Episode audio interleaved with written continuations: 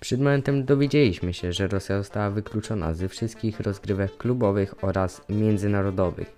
To oznacza, że Rosjanie nie pojadą na najbliższe Mistrzostwa Świata w Katarze oraz na kobiece Euro w roku 2020 roku, a także wszystkie kluby rosyjskie zostaną wykluczone z rozgrywek europejskich. To jest specjalne wydanie futbolowych historii, a ja bardzo serdecznie na nie zapraszam.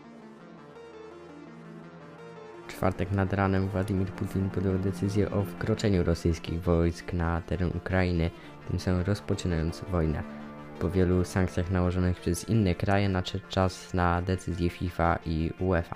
Ostatecznie FIFA zmieniła swoje postanowienie z dnia wczorajszego, po którym Rosja mogła uczestniczyć w zawodach organizowanych przez FIFA oraz UEFA, ale musi grać pod nazwą Rosyjska Federacja Piłkarska na neutralnym terenie, bez kibiców, hymnu i flagi.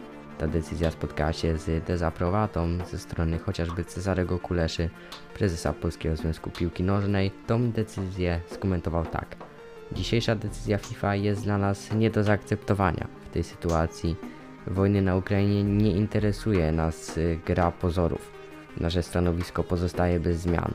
Reprezentacja Polski nie zagra z Rosją w meczu barażowym, niezależnie od nazwy rosyjskiej drużyny, napisał prezes PZPN w mediach społecznościowych.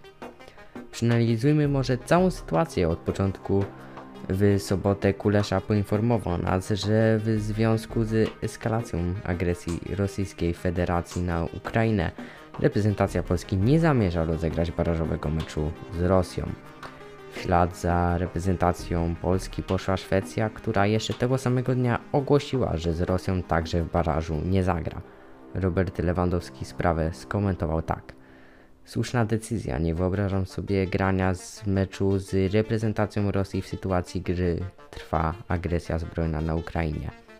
Rosyjscy piłkarze i kibice nie są odpowiedzialni, ale nie możemy udawać, że nic się nie dzieje.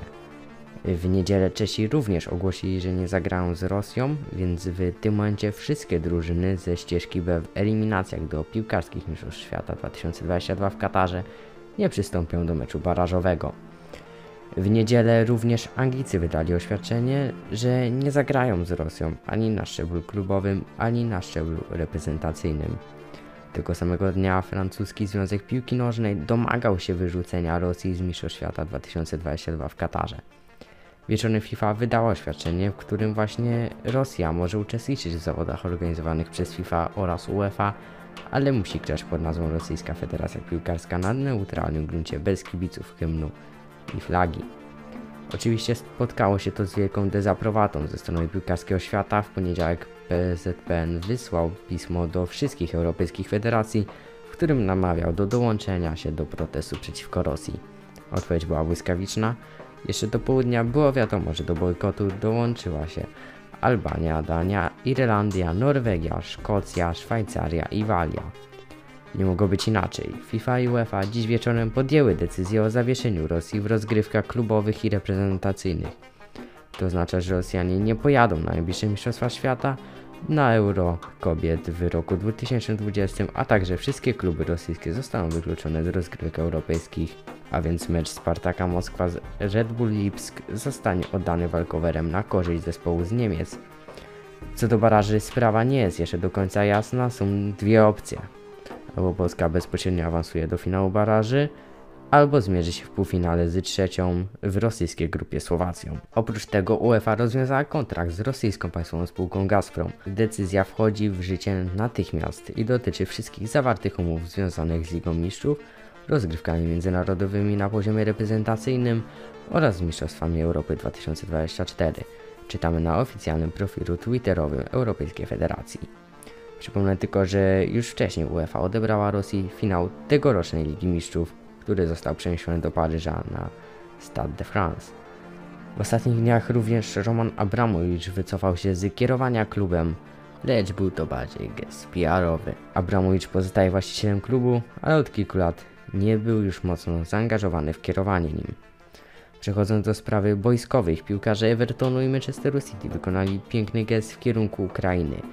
Piłkarze obu drużyn, w których występują Oleksandr Zinchenko i Witalij Mikołenko sprzeciwili się rosyjskiej agresji, mając na sobie specjalne koszulki z napisem nie dla wojny. Obaj reprezentanci Ukrainy nie byli w stanie powstrzymać łez. W dzisiejszym odcinku przedstawiam Wam wszystko, co zadziało się w ostatnim czasie w europejskiej piłce klubowej, a więc wszystko, co było związane z konfliktem Rosji i Ukrainy. Podjęte zostały w końcu radykalne, można wręcz powiedzieć, kroki, a więc wykluczenie Rosji z wszystkich rozgrywek, a także z rozgrywek klubowych i międzynarodowych, a więc jest to na pewno bardzo duży krok y, w przód w stosunku do tego, co było w ciągu najbliższych y, dni. Na pewno jest z czego się cieszyć pod takim względem, że to wszystko zainicjowała Polska, zain- zainicjował to PZPN, a więc tutaj jest na pewno bardzo, bardzo duży plus pod tym względem. A co Wy sądzicie o całej sytuacji? Zachęcam Was do dyskusji w komentarzach, a na dzisiaj to będzie wszystko.